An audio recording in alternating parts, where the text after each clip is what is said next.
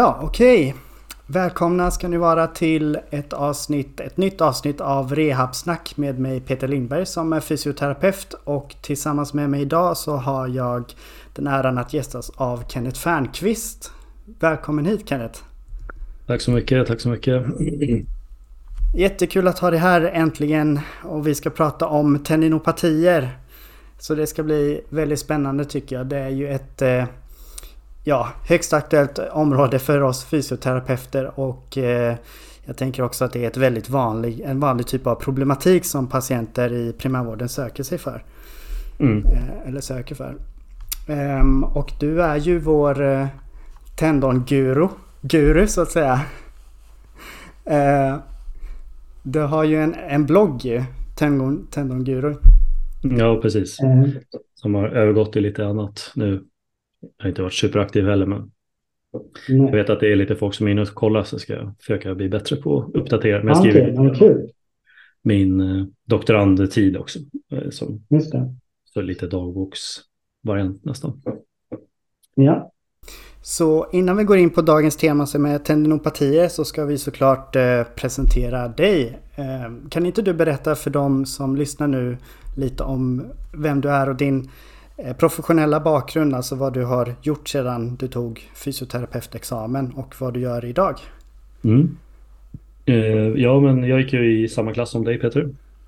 Eh, så vi gick ut 2013 och då fick jag en anställning på en primärvårdsrehab där jag hade haft min termin 5 praktik.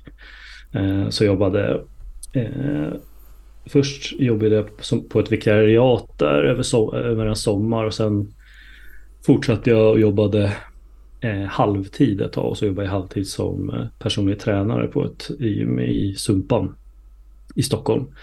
Eh, men sen så öppnade det sig upp då att jag fick en, en heltidstjänst där i primärvården så då körde jag på den eh, och jobbade ju där ändå, måste ha varit typ fem sex år eller någonting. Eh, och under tiden så läste jag min eh, Master of Science eh, via eh, Linnéuniversitetet på distans då. Det ligger i Kalmar annars. Eh, I idrottsvetenskap. Eh, och då kom jag i kontakt med en eh, forskare som heter Peter Malieras som är, eh, utgår från ett universitet i Australien. Och eh, ja, det var så liksom min, mitt intresse började mycket för det här med, med forskning. Eller jag hade väl det innan, men det var då jag började liksom producera någonting eget så att säga. Eh, och har under tiden också jobbat lite grann med olika idrottslag i bland annat fotboll och handboll. Eh, men har även tagit då ganska rejäla kliv bort ifrån eh, det rena fysioterapi eh, yrket och jobbat eh, ja, på en statlig myndighet bland annat. Men även med eh, personalhälsa på liksom en mer strategisk nivå. Då. Så lite kort. Ja, och eh, vad gör du idag? Idag är jag doktorand på, heltidsdoktorand på Karolinska institutet eh, och min avhandling handlar om eh, ja, patienters eh, hälsorelaterade livskvalitet då, eh, ja, för patienter med matstrups och magsäckscancer. Men jag har ju kvar mitt eh, där andra forskningsfokuset också då, på senare så är eh, inne och jobbar lite grann med, med Peters eh, doktorander och med Peter också och, och även med en internationell eh, konsensusgrupp eh, som jobba med att försöka ta fram eh, ett eh, bättre eh, utvärderingsinstrument för akilles tendinopatier. Mm. Och då måste jag fråga dig som en forskarkollega. Hur kom du in på forskning och varför ville du doktorera? Eh, ja, det var väl när jag började liksom ifrågasätta lite grann vad vi höll på med som fysioterapeut eller sjukgymnast liksom rent eh, kliniskt.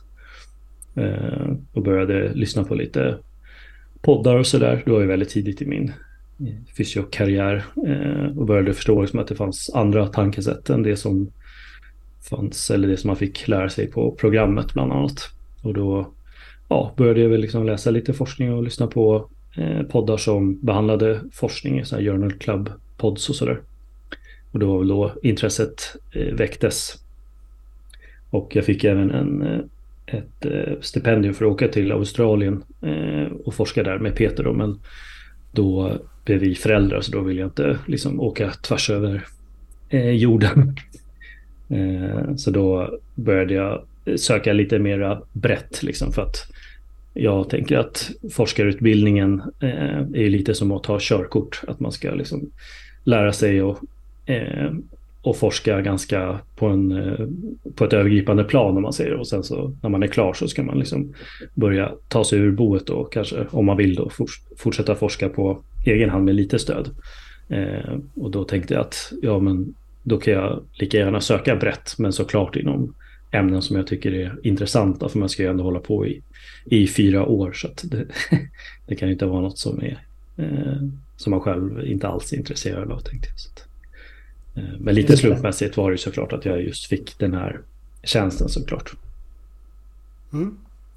Ja, då ska vi gå vidare till att prata om eh, dagens tema som är tendinopatier. Och det är ju ett eh, stort eh, område och ganska komplext i vissa fall beroende på vilket perspektiv man har. Vi kommer prata ja, lite övergripande kring tendinopatier och vad vi befinner oss idag kring kunskapsmässigt kring det. Eh, men, men först bara, var kommer ditt intresse för senor och tendinopatier ifrån? Det var en kollega när jag jobbade i primärvården som eh, var intresserad av det. Så det var ju liksom ett, det område som jag började läsa lite mer om och då, ja, det var ju också en ren slump. Det hade ju lika gärna säkert kunnat vara liksom knä eller ländrygg eller vad som helst. Men ja, det var ju det som jag började läsa om och, och eh, ja, jag fastnade bara för det och har fortsatt tycka det är intressant eh, helt enkelt. Det var ja, en ren tillfällighet ifrån början kan man väl säga. Men det utgör ju också mm. en ganska stor del av patienter så att det ja. Ja det gör det ju. Och vad är det med senor som du tycker är liksom speciellt eh, intressant? Eh, ja, alltså i början då var det väl, då tänkte jag ju också att man ju mer man kunde liksom rent ner på cellnivå desto bättre skulle man kunna behandla. Så tänker jag inte idag såklart, men det var väl ja, det är ett, ett ämne som är ganska lätt att nörda ner sig i, liksom alla olika delar i senan och eh, hur den liksom kommunicerar med resten av, av kroppen och så vidare. Så det var ju det var lätt att fastna, tänker jag. mm. Det känns också som att det finns mycket inom citationstecken pillipillforskning. Alltså att man kollar väldigt mycket på cellnivåer och morfologiska förändringar och på detaljnivåer. liksom hur eh, liksom anatomin och morfologiska förändringar som sagt. Men också jag tänker på inflammation och inflammatoriska processer och eh, eh substanser och diverse fysiologiska eh, processer. Patofysiologin liksom bakom. Ja, precis. Det finns ju jättemycket djurforskning också där man har liksom dissekerat ner i minsta detalj och undersöker. Så att det finns ju väldigt mycket liksom basforskning kring, kring senor och övergångar från sena till muskel till exempel. Ja, det verkar som att man verkligen kan nörda in sig hur mycket som helst på det här området. Ja, ja men så är det verkligen. Um, och uh, tendinopati då, det är ju en uh, ett, ett, en term, det ett tillstånd. Och då tänkte jag att vi börjar med att prata lite kring terminologin. Och den har ju sett lite annorlunda ut och förändrats över tid. Eh, men först och främst skulle du säga att terminologin spelade någon roll vad vi, vad vi säger för någonting? Vad vi benämner sensmärta eller senrelaterad patologi, senbesvär. Spelade det någon roll för, ja, för samhället och för kliniker och patienter? Eh, ja, det gör det nog. Det är väl därför det är till viss del den här konsensusgruppen som har startats. Eh, nu inte jag, har inte jag varit med just på eh, i de diskussionerna, men det är ju ur den gruppen som det liksom kommer ut ganska mycket artiklar nu. Den har ju startats på grund av att det finns, eller man behöver komma till, eh, man, man behöver komma överens, komma till konsensus kring olika saker så att man vet att man eh, pratar eller skriver artiklar om, om samma sak helt enkelt. För det är ju, eh, om man ska göra till exempel en sammanställning av eh, forskning så eh, är det viktigt att man har pratat om samma saker, för annars är det inte samma saker som man jämför ens kanske. Eh, och vi kommer säkert komma in på det, men det finns ju egentligen inga eh, liksom tydliga diagnoskriterier för många av de här tendinopatitillstånden. Och det är ju kanske förvånande för många. Men har man då tio eh, artiklar som man ska försöka komma till något eh, gemensamt svar för, då kanske man jämför lite grann päron och äpplen på grund av att diagnoskriterierna har sett olika ut helt enkelt. Så det är inte samma typ av patienter som man har inkluderat i de här olika studierna. Mm. Så eh, tendinopati, är det ett eh, paraplybegrepp skulle du säga? Ja, precis.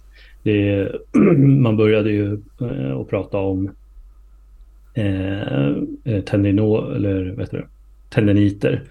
Eh, alltså att man tänkte liksom att hela den här eh, processen från att man kanske har lite besvär till att man till och med kan se det på ett ultraljud eller en MR och sådär. Att det är liksom allt i princip då berodde på eh, en eh, inflammation helt enkelt.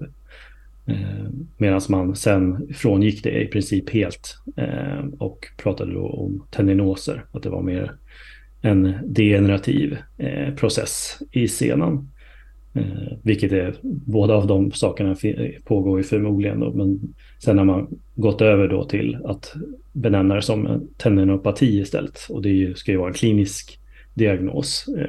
Man ska inte behöva liksom ha något bekräftat bilddiagnostiskt eh, redskap för att kunna ställa diagnosen. Eh, det ska ju bara innefatta då smärta och nedsatt funktion från det området där tendinopatin är. Mm.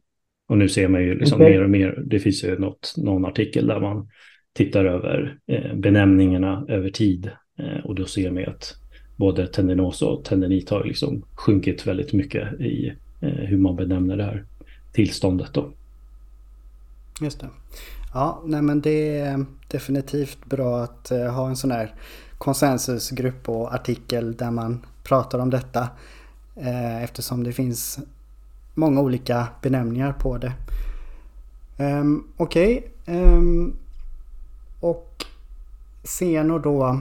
Det är, och senrelaterad smärta. Det är ju väldigt vanligt hos eh, patienter i överlag som söker för någon typ av smärta i rörelseapparaten.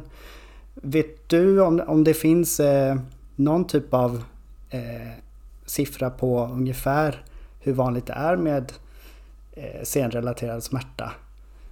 Ja, det beror på lite vilka patientgrupper man tittar på och vilken eh, typ av tendinopati eh, man kikar på. Men till exempel om man skulle säga eh, för hälsenan till exempel så Eh, är ju risken att drabbas, eller vad man ska säga, är ju väldigt hög för eh, om man kollar på löp, eh, en löppopulation. Medan den är inte lika hög om du ser på en eh, en mer kanske inaktiv eh, population. Men det, det, finns ju ändå där. Eh, och om man tar axelsmärta, det är ju såklart beroende på vad, hur man ska kunna ställa den diagnosen. Men om man förutsätter att det kanske urspringer lite smärta ifrån någon sena där, eh, så är ju det en väldigt vanlig liksom, sökorsak. Man pratar ju om att ländryggsverk eh, har liksom nästan en 100% livstidsprevalens medan axelverk kanske ligger på 70-80%. Det vill säga att 70-80% kommer någon gång drabbas av en episod av axelverk medan i princip nästan alla kommer drabbas av någon episod av ländryggsverk i, i livet. Eh, så det är inte riktigt lika mm. högt då som med ländryggen, men det är, det är högt. Eh, det är, det är vanligt att drabbas. Ja. Och då kommer vi till frågan varför får vi då ont i våra senor och eh, vad finns det för olika patient, typiska patientgrupper eh, som drabbas av tendinopatier? Eh, alltså jag tänker på att man brukar prata om exempelvis en typisk patientgrupp som är en medelålders kvinna, lite överviktig till exempel. Men sen har vi en idrottare också på andra sidan. Finns det, håller du med om dem? Alltså det här, nu pratar vi ju eh, generaliserar här då, men typiska klassiska smärtbilder. Finns det några, skulle du hålla med? Finns det några andra? Vilka är det som drabbas vanligast? Liksom? Man tänker ju att eh, det finns en liksom, metabol Eh, inverkan på senorna och då har man ju sett att det verkar ju vara en liksom, genomgående eh, riskfaktor att ha till exempel högt BMI då eller eh, fetma.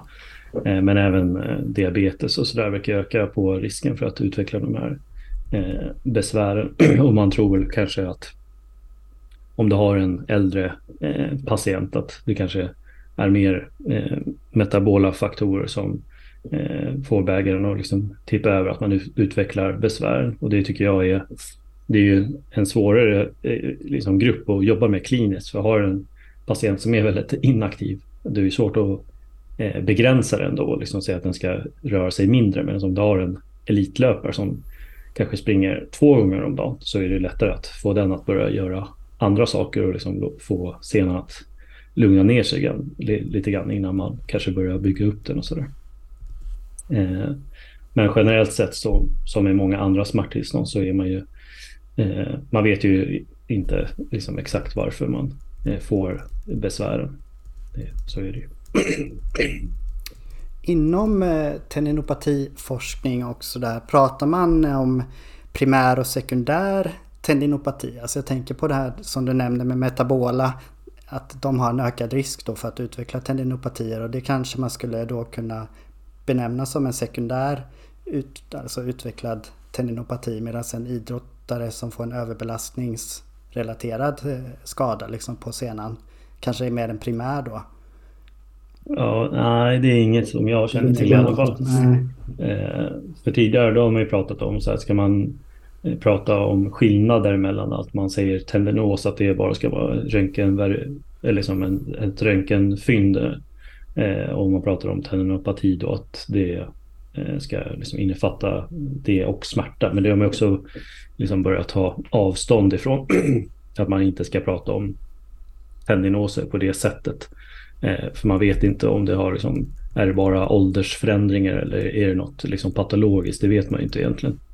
Ehm, så att eh, nej, det ska vara liksom en, en, eh, en klinisk eh, diagnos ehm, men vad jag vet så pratar man inte liksom om någon primär eller sekundär eh, tendinopati.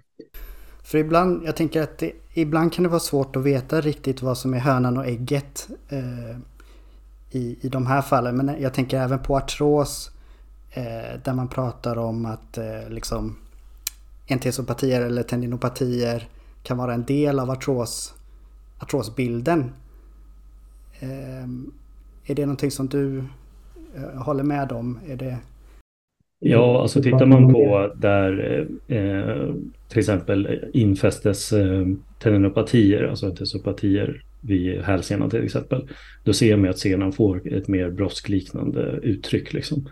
Eh, och det är väl det ehm, som man kanske pratar om vid andra, eh, vid knäleden till exempel, eller sådär. Eh, men då har det kanske gått lite längre. Man kan ju se att de har, eh, ja, tittar man på en sån häl som har gått omkring länge med den här infästesproblematiken så brukar det ju se lite liksom destruerat ut. Så som det kan göra hos eh, eh knäartrospatienter också. Man ser liksom på, på knäleden utan någon, alltså med blotta ögat att den ser annorlunda ut om man säger. Eh, för det är ju där har man ju också börjat inse att artros är inte heller bara liksom ett led, ledproblem. Det är ju någonting som, liksom är systemiskt och det är ju, ja, det vore konstigt om det inte är så i, med senorna också. Och det ser man ju just med att om man har en ökad metabolpåverkan så verkar det vara en ökad risk för att utveckla smärta eh, just vid senorna. Just det, för att en annan typ av tendinopati som jag tänker på är gluteal tendinopati eller lateral höfttendinopati. Eh, där man pratar om att det skulle kunna vara ett tidigt tecken på utveckling av artros, höftledsartros till exempel.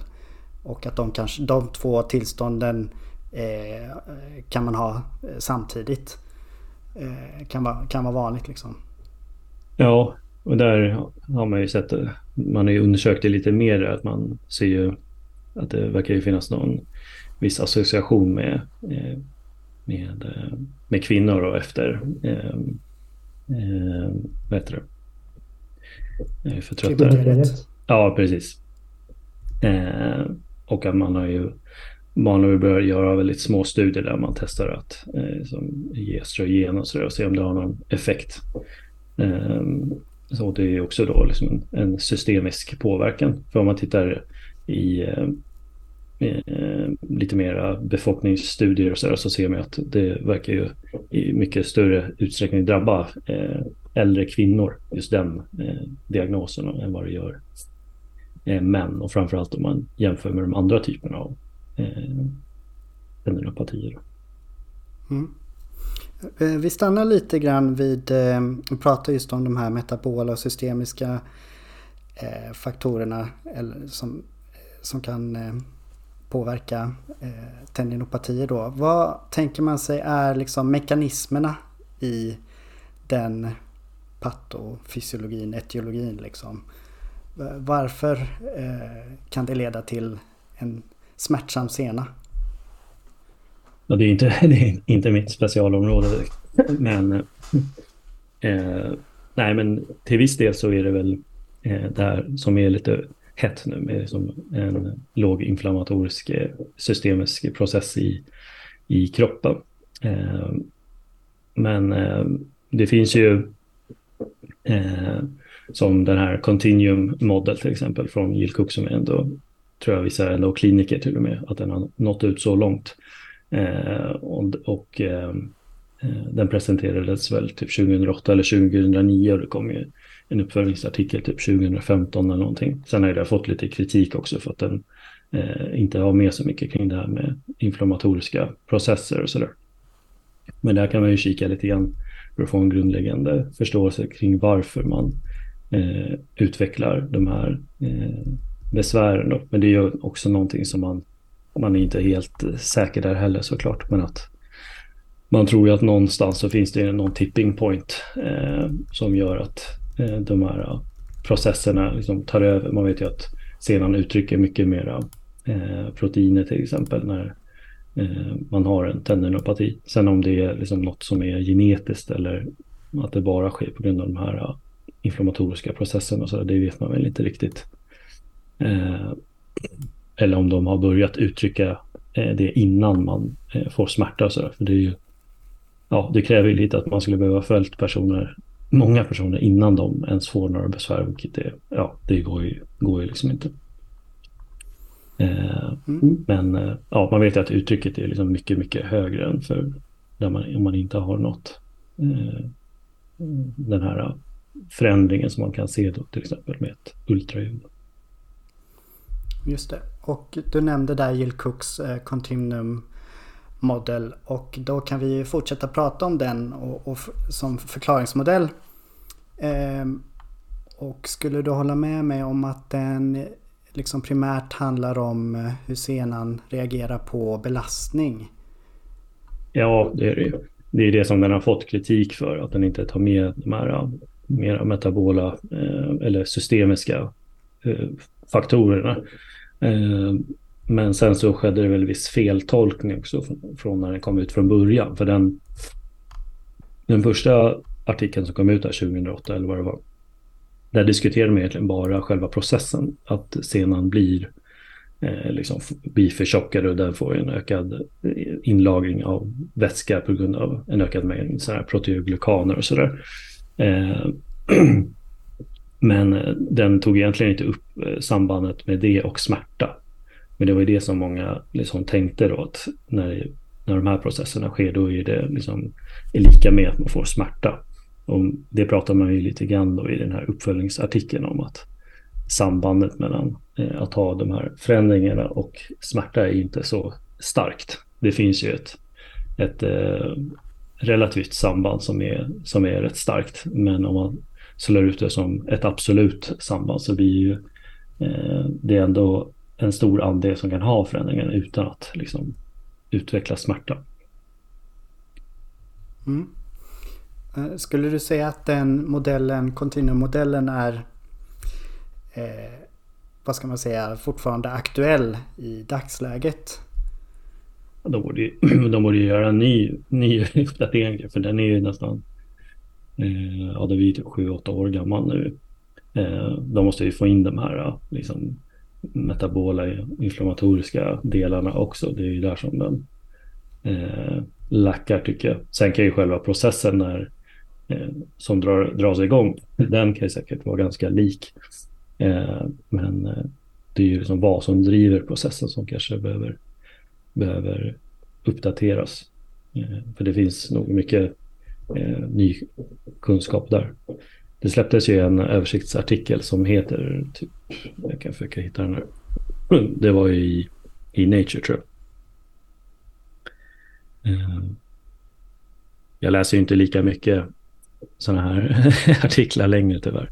Man hinner inte med allt. Ja, den heter Nej. till och med ten, Tendinopathy.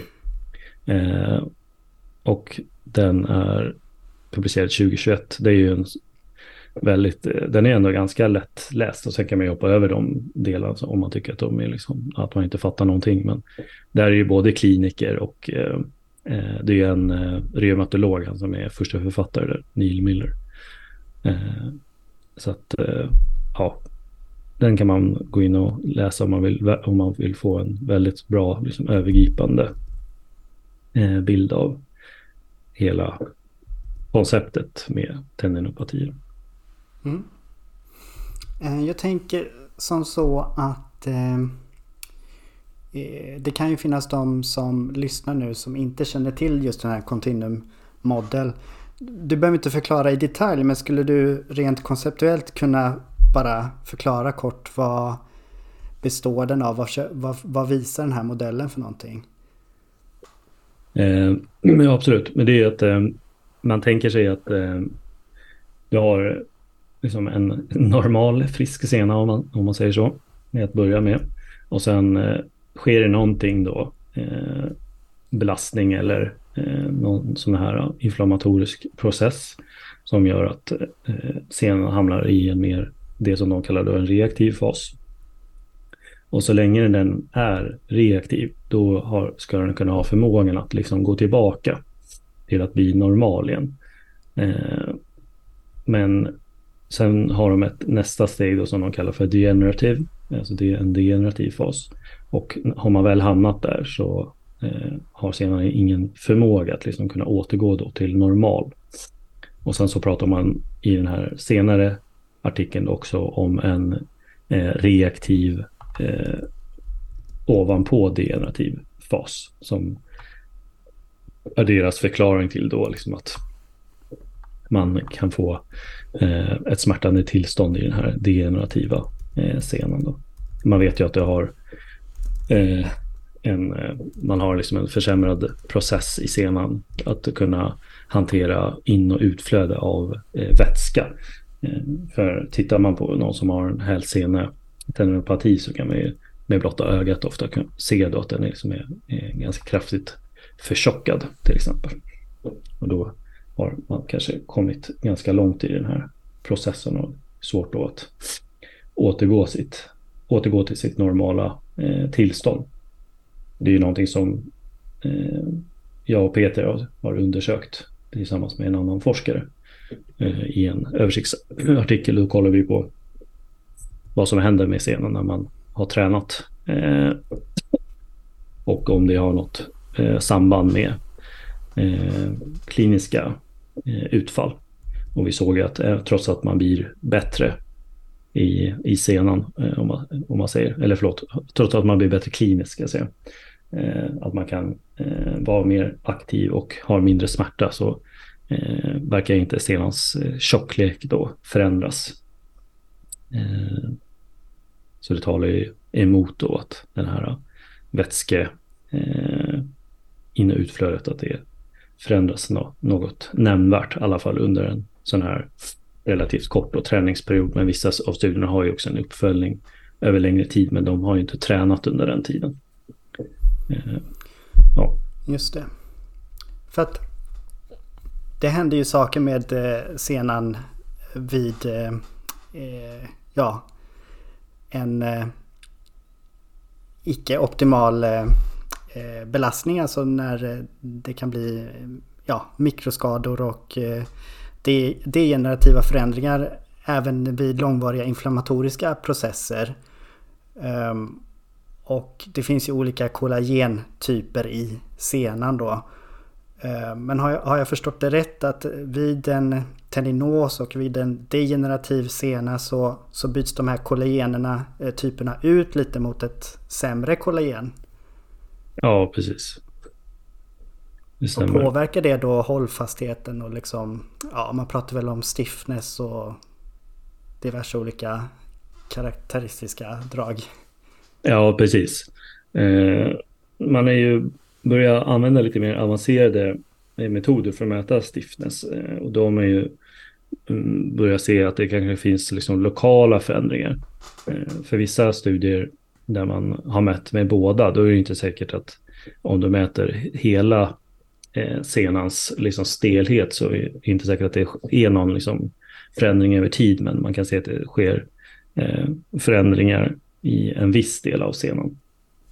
Där är det lite motsägelsefulla eh, resultat än så länge, där man kan se att eh, knäskålsenan eh, i, i någon studie blev eh, eh, hårdare, medan i, i hälsenan att den blir lite mera eh, slapp eller mindre stel om man säger.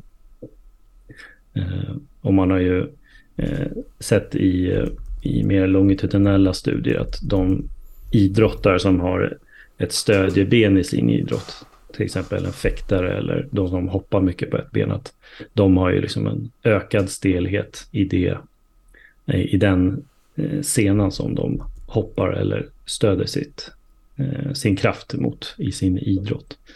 Eh, men det finns inte alls lika mycket stöd för att det skulle vara så vid tendinopatier. Men det finns ju korta, väldigt små studier som talar för det också. Att om man tränar en period så verkar det kunna öka på stelheten i, i senan. Då. Mm.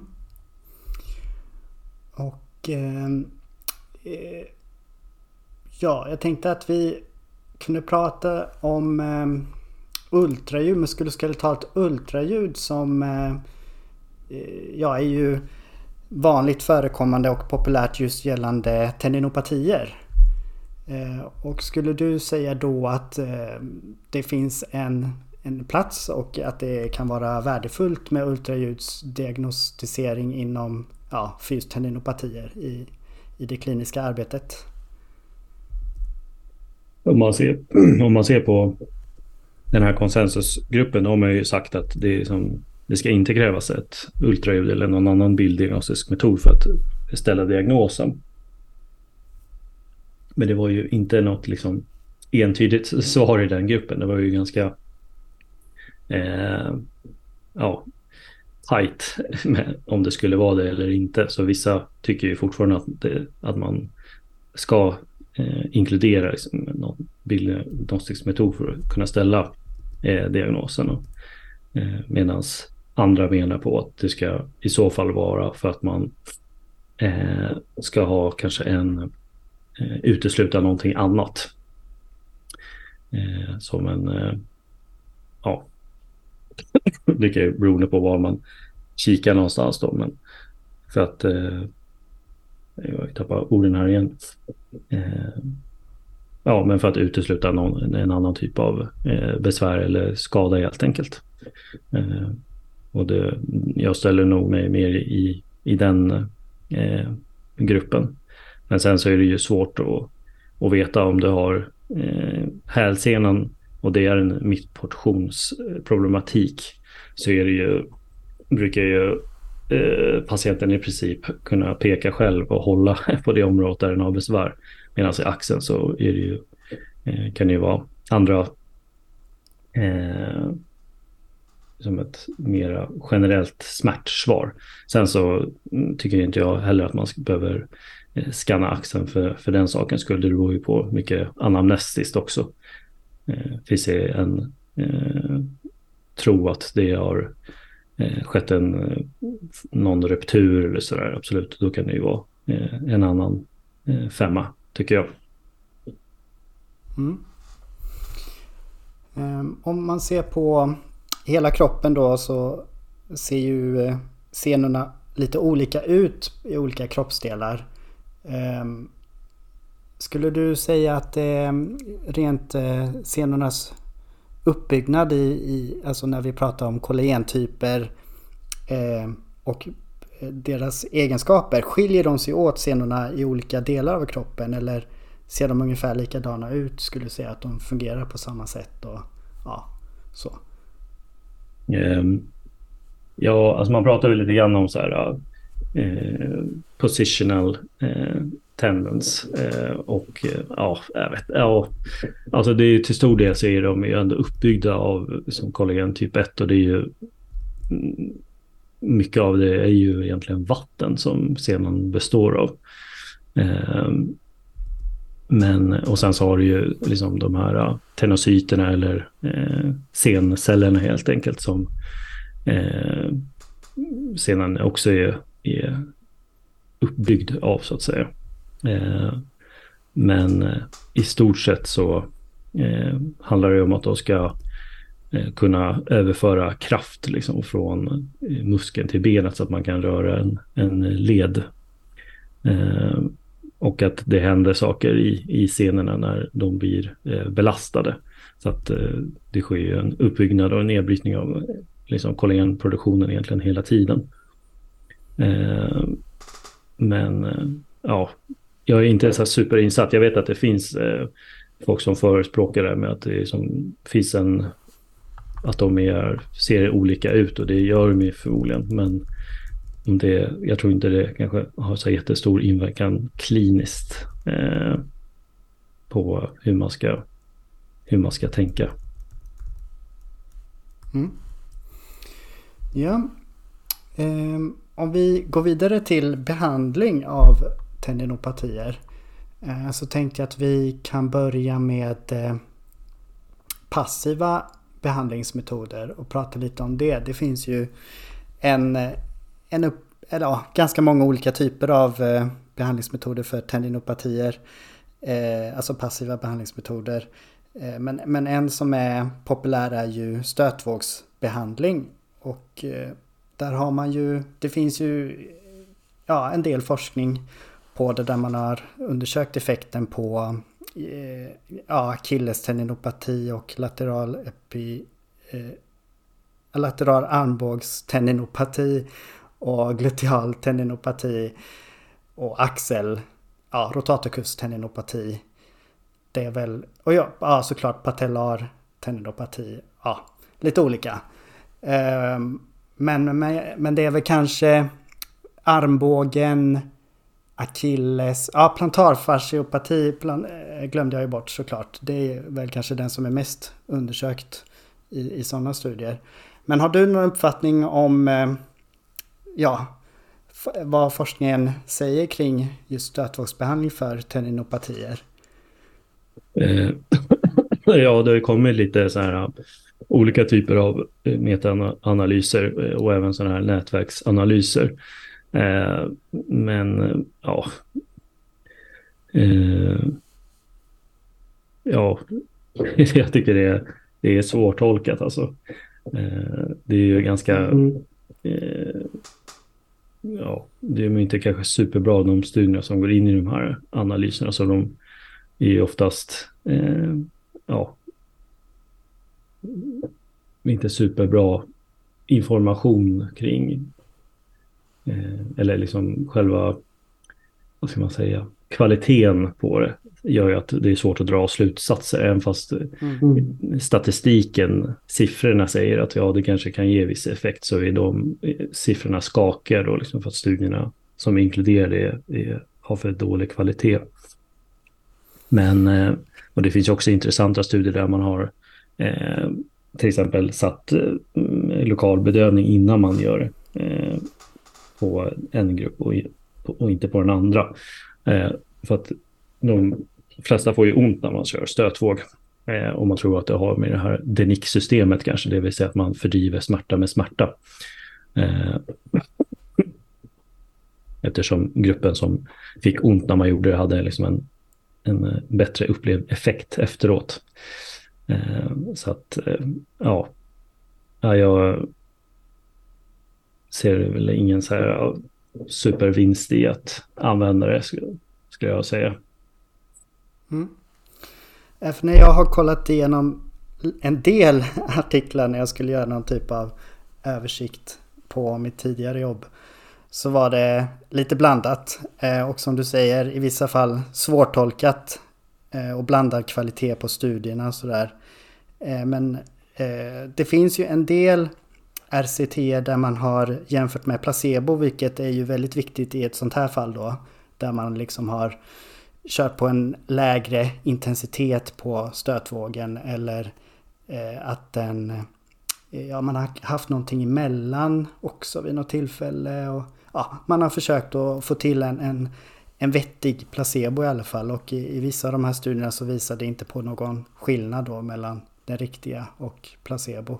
Men, men min uppfattning då var i alla fall att det verkar, ja det kanske kan ha effekt, effekt på plantar fasciopatier men, men de övriga eh, verkar det inte finnas något starkt stöd för att det skulle vara bättre än placebo. Eh, egentligen gällande akillesknä, axel. Eh, eventuellt skulle det kunna ha effekt på gluteal tendinopati. Ja, men det var väl typ det eh, som var min tolkning av, av datan. Men det kan ju förändrats nu då. Men ja, som med mycket annat så när, när kvaliteten ökar i studien och de reproduceras så, så går ju liksom effekten oftast ner eller kanske försvinner helt och hållet. Ja, det är väl inga stora effect sizes heller direkt. Alltså det handlar ju om liksom ja, 10 poäng på en 100-gradig skala eller någonting. Det är ju inga, om man mm. väl har hittat någon effekt. Eh, och jag tror att i den här uh, artikeln i Nature pratar de väl om att man ska försöka köra konservativ liksom, behandling, alltså bara träning och utbildning så liksom ett år innan man tänker sig att man ska börja göra någonting annat. Mm. Ja, jag tycker det här är en ganska svår fråga eftersom att eh, eh, ja, i vissa fall kanske det skulle kunna hjälpa en, en patient. Eh, och så väger man in att eh, behandlingen tar inte, inte lång tid, det krävs kanske inte så många gånger och man kan kombinera det med aktiv eh, behandling också. Och, och, att det inte är någonting som skadar patienten så, så skulle man ju kunna se det som manuell terapi, alltså att det ses som ett komplementativt eh, komplementeringsbehandling utöver den aktiva behandlingen så att säga. Eh, ja, men man behöver kanske inte använda eh, den i behandlingen för att få bra resultat av rehabiliteringen helt enkelt. Nej, precis. Och det, så är det väl med många av de andra grejerna också, även träning, alltså måste man ju säga. Eh, så att man får ju försöka Eh, komma överens med, med patienten. Mm. En annan behandlingsmetod som jag skulle vilja prata om lite grann är eh, stretching vid tendinopatier. Och det är för att det är lite blandade bud upplever jag. Att i vissa fall så rekommenderar man stretching och i andra fall så rekommenderar man inte stretching. Och jag tänker att det beror ju på såklart eh, alltså vilket tillstånd man har, alltså hur pass akut smärta man har. Eh, alltså har man en, en akut inflammation och eh, eh, att den eh, är väldigt öm och smärtsam så, så gör det förmodligen kanske ont också att stretcha det och då är kanske inte är så bra idé. Men till exempel för plantar fasciopati så kan det ju ingå stretching i behandlingen. Vad skulle du säga om stretching vid tendinopatier? Eh, ja, i de, det finns ju några, till exempel i eh, plantar fasciopati så har man ju jämt, jämfört det mot tungstyrketräning och då ser man ju ingen, ingen skillnad på lång sikt. Eh, Och det finns ju även en på hälsidan där man ser inte någon eh, skillnad där heller mot liksom vanlig eh, träning om man säger. Så att, eh, och jag tänker i en initial fas så kanske det är mindre smärtsamt att eh, stretcha än att träna hårt eller tufft. Eh, men det finns ju viss sådär, liksom, klinisk erfarenhet som säger att om man har en infästesproblematik så kanske det är provocerande att eh, stretcha eh, eller vara i ytterläge mycket.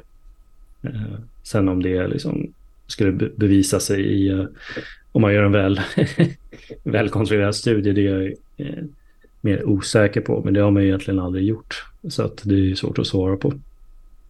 Så där, det är, för det handlar ju mycket om det i tendinopati, att man får ju eh, testa sig fram helt enkelt.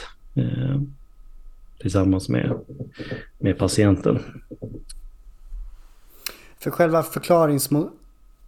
Ja, för själva förklaringen till att det skulle kunna eh, fungera med stretching handlar väl om egentligen tension och belastning på senan, att den skulle reagera positivt på det, precis som vid excentrisk träning eller vilken typ av träning som helst egentligen. Att man måste komma upp i en viss ja, belastning för att stimulera senan. Um, ehm, mm. um, ja, andra passiva behandlingsmetoder. Vi har ju pratat om stötvågsbehandling som är i vanlig laser. Vet jag inte hur pass vanligt det är. Vanligt förekommande är i Sverige. Har du någon uppfattning om laserbehandling vid tendinopatier? Eh, ja, det finns ju en del eh, forskning på det och det är, det är väl tacksamt på det sättet att då är det lite lättare att blinda eftersom det eh, ja, att man, det känns ju liksom ingenting när den är på heller. Det är ju, det är ju en, eh, ja, en, eller, eh, ser bara ut som en lampa liksom. Så det är ju tacksamt på det sättet. Eh, där finns det också eh, liksom översiktsartiklar. Eh, bland annat finns det en på lateral eh, eh, armbågstenopati, eh, det som kallas för tennisarmbåge, eh, ibland vanligt folk om man säger. Eh, men just i den där hittade man ju ingen eh, effekt av det som kallas för low laser energy laser nej, low energy laser therapy kallas det för. Eh, men det är ju mycket det som de som är pro det här, de pratar ju mycket om att de använder fel eh, newtonmeter våglängd och liksom eh, ja, den saken, den typen av saker. Eh, så, och det är ju svårt att, eh, ska man jämföra liksom 800 newtonmeter mot 700 och 600 mot 400, det är ju som, det är ju så dyrt att göra den här typen av, av studier också. Eh, så att, eh, ja, det finns en annan vet jag som eh, är gjord på, på älsena. Eh, och där har man väl liksom i de här, det är ganska små studier där, att det ja, har väl visat viss eh, påverkan på, på VAS-skala. Men det är också så här en, eh, en poäng på en 10-gradig skala till exempel. Så att ja, jag skulle säga att det är i de här större studierna som är gjorda då på, på armbågen, om de ska få liksom extrapoleras och översättas till de andra scenerna så verkar det ju inte ge någon effekt skulle jag säga. Mm. Eh, finns det någon annan passiv behandlingsmetod som är vanlig för tendinopatier som du vill ta upp? Mm. Eh, ja, PRP är väl ändå Just det. fortfarande ganska populärt skulle jag säga. Mm. Mm.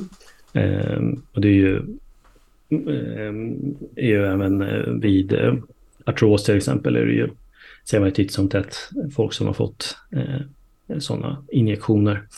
Och det handlar ju om att man eh, drar ut blod från eh, patienten själv då och sen Eh, spinner i en speciell eh, centrifug då, så man får ut de här blodplättarna.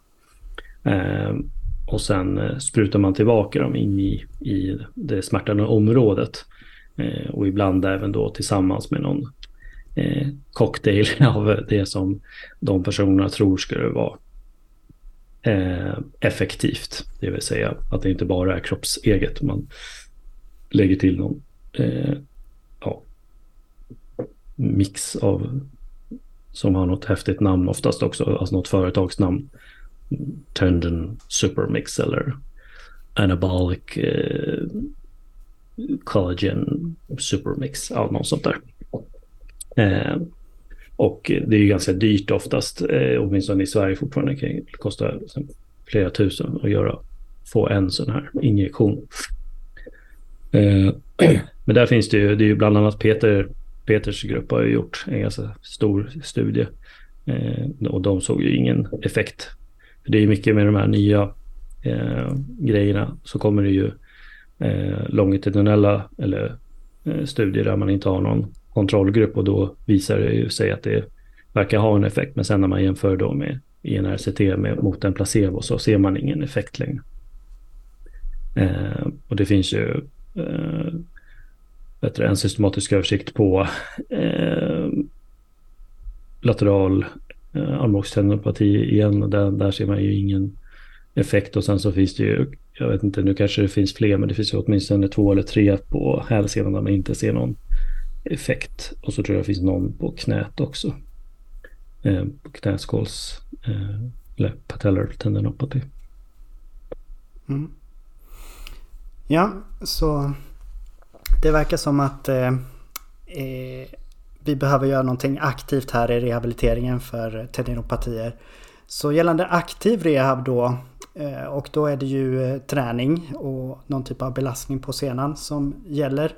Eh, och då kanske rehabiliteringen och behandlingen ser lite annorlunda ut beroende på hur mycket besvär man har och vilket skede patienten söker vård. Eh, liksom jag tänker akut, subakut eller långvarigt tillstånd av tendinopatin.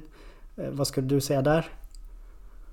Eh, ja, det finns ju lite jämförelsestudier där också där man tittar på koncentrisk mot excentrisk och mot eh, liksom, tyngre, tyngre träning. Eh, men där verkar det inte finnas någon liksom, större fördel att göra någon av dem.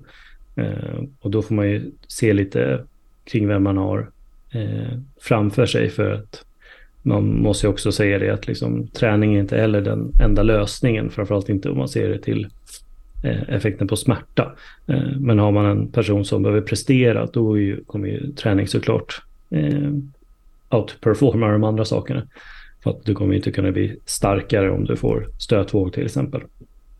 Eh, så att då behöver man eh, successivt liksom bygga upp den här eh, personen då. Eh, att bli kanske starkare och snabbare eller vad det nu handlar om i den personens idrott eller vad den vill kunna klara av i, i vardagen till exempel. Eh, men eh, ja, om man bara ska liksom tänka att man skulle behandla smärtan då behöver man ju egentligen inte ägna sig åt träning skulle jag säga. Då kan man göra mycket av de här andra sakerna också. Mm. Um, om vi skulle prata om typen av eh, eh, träning och belastning så har ju det förändrats över tid. Att man har, eh, det har varit olika trender kan man väl säga inom forskningen och behandlingsmässigt. Att man har pratat om ja, men just det här koncentrisk träning eller excentrisk träning. Eller heavy slow resistance training eller isometrisk träning. Eh, så det finns olika och ehm, ja, eh, vad säger forskningen där? Har det visat sig att någon skulle vara bättre än någon annan? Eller det kanske var det du sa innan? initialt så eh, jämförde man ju bara koncentrisk mot bara excentrisk träning. Och i den här första studien då såg man att excentrisk träning var, eh, liksom var mer effektiv. Och det var, det var väl så det liksom kanske började. Och sen så när det här med Have Slow Resistance, HSR-träning kom, det var ju Mikael Rattleff som undersökte personer med eh, plantarfasciopati. Eh, och då såg man vid tre månader att det var liksom mer effektivt då mot stretching. Eh, att eh, köra HSR. Men vid längre uppföljning så var det ju ingen skillnad och inte på de här kortare uppföljningarna heller. Men det fick väldigt stor genomslagskraft och då började man ju eh, undersöka det eh, mer. Sen så kan det ju, man får ju också tänka sig att eh, det kan ju tilltala eh, folk på olika sätt, de här olika eh, varianterna av träning. Med, för HSR det liknar ju mer liksom, ja, men ett tungt styrketräningsupplägg. Medan eh, om man kör eh, Alfredssons klassiska eh, påövningsupplägg så är det extremt många repetitioner. Och det är två gånger om dagen. Och det har man ju jämfört mot en lägre volym. Och då såg man inte heller någon, någon skillnad just på eh, när man mäter smärta. Så att, eh, eh och det här med isometrisk träning var också en väldigt liten studie som gjorde av Ebony Rio i, i eh, Australien.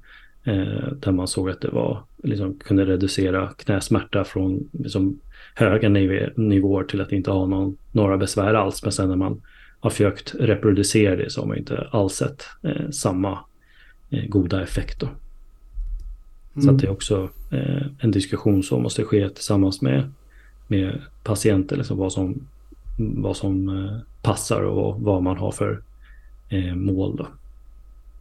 Just det, det är ju faktiskt en fördel med detta i alla fall att det finns många olika sätt att träna på och vi kan anpassa det bättre efter personens eh, behov och önskemål och eh, förmåga att kunna utföra vilken typ av träning.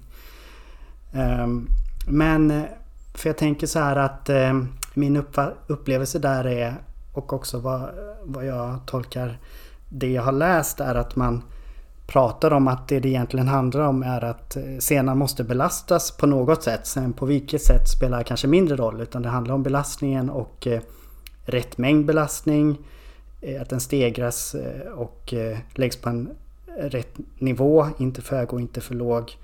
Men just det här också time under tension då som man pratar om.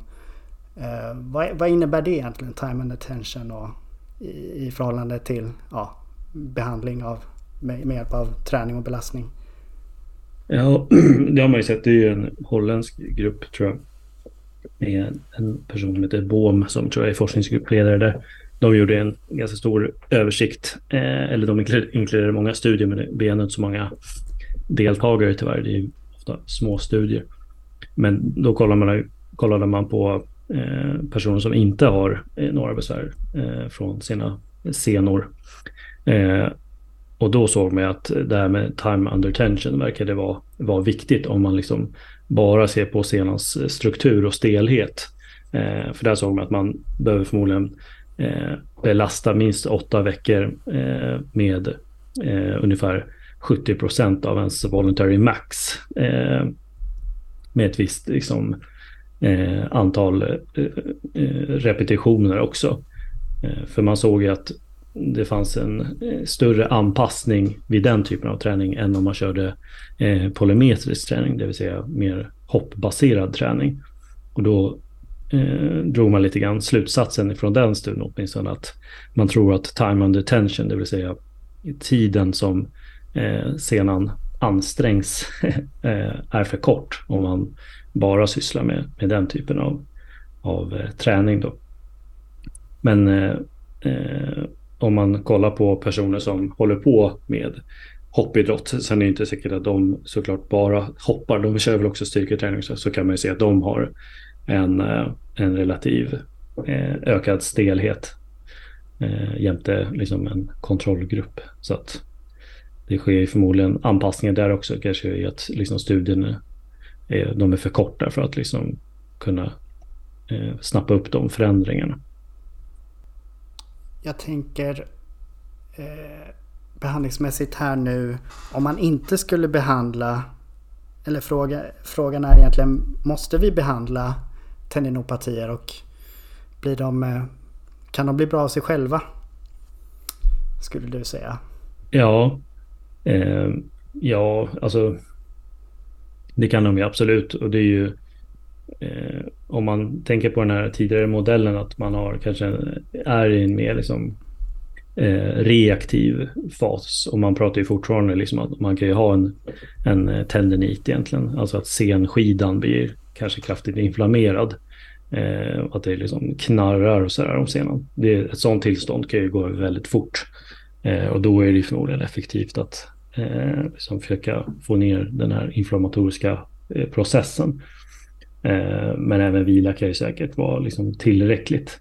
Men man vet ju också att till exempel plantar fasciopati, när man följt upp sådana personer eh, som upp till 15 år, eh, så är det ju många av dem som fortfarande har besvär. Sen är de oftast inte på samma nivå som de var kanske vid baseline. Men många kan ju ha ont i, i väldigt många eh, år faktiskt. Eh, och liksom en funktionsnedsättning på grund av det.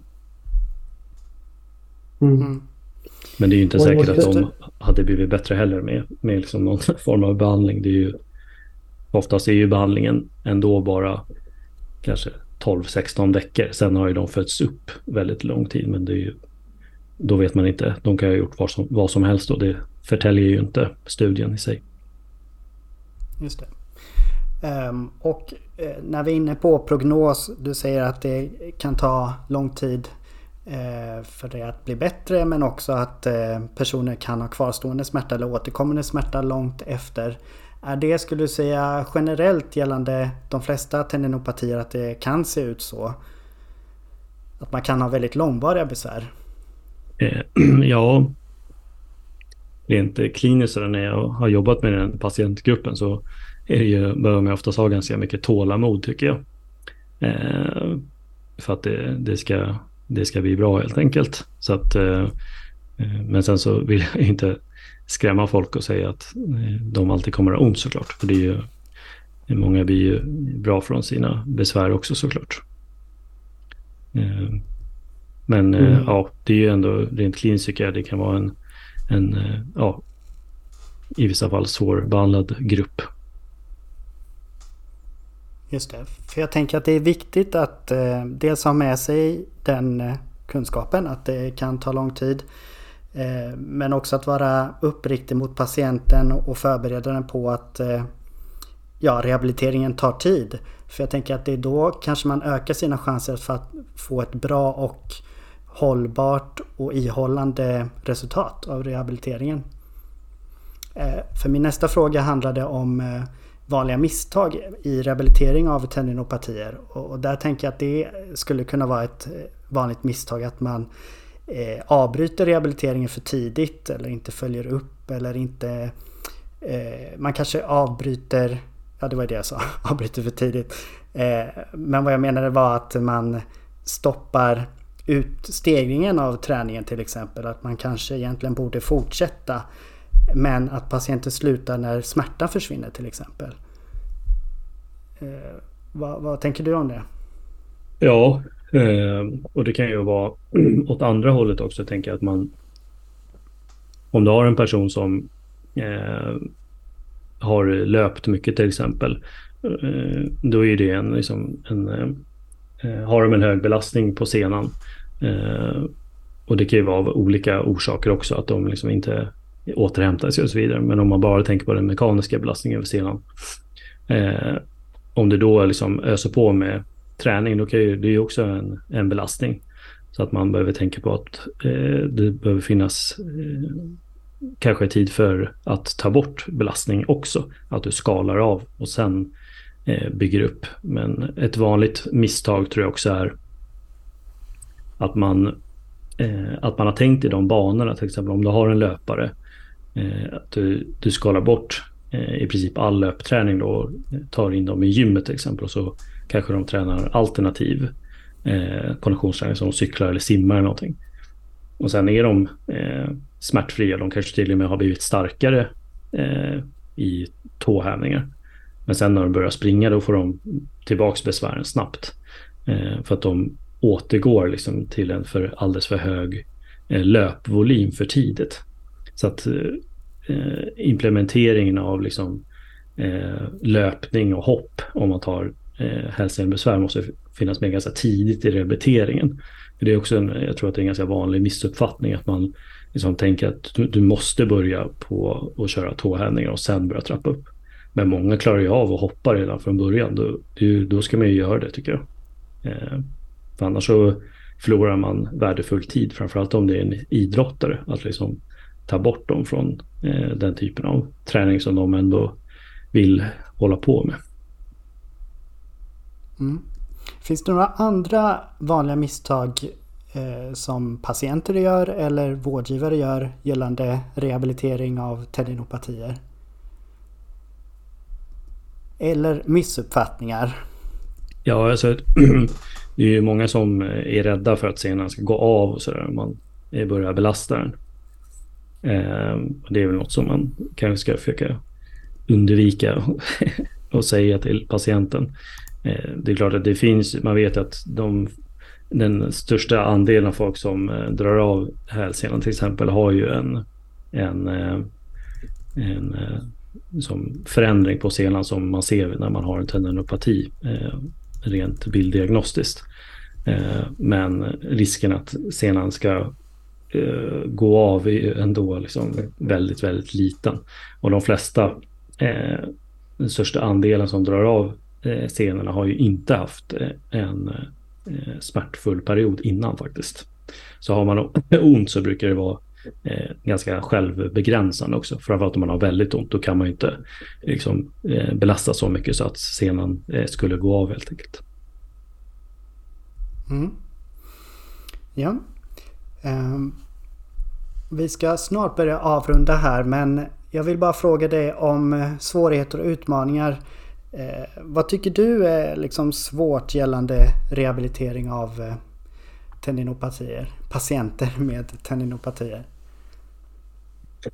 Ehm, ja, men en svår patientgrupp det är ju de som är inaktiva eh, och ändå kanske har eh, besvär till exempel med, med, eh, med hälsenan eller knäskålsenan eller på höften. För att de behöver ändå kunna ta sig till olika platser. Då det är lättare att avlasta en arm kanske, men du behöver ju, oftast behöver du kunna gå. Och är man väldigt inaktiv och har stora problem, då, är det ju, då kan du i princip inte skala bort någonting.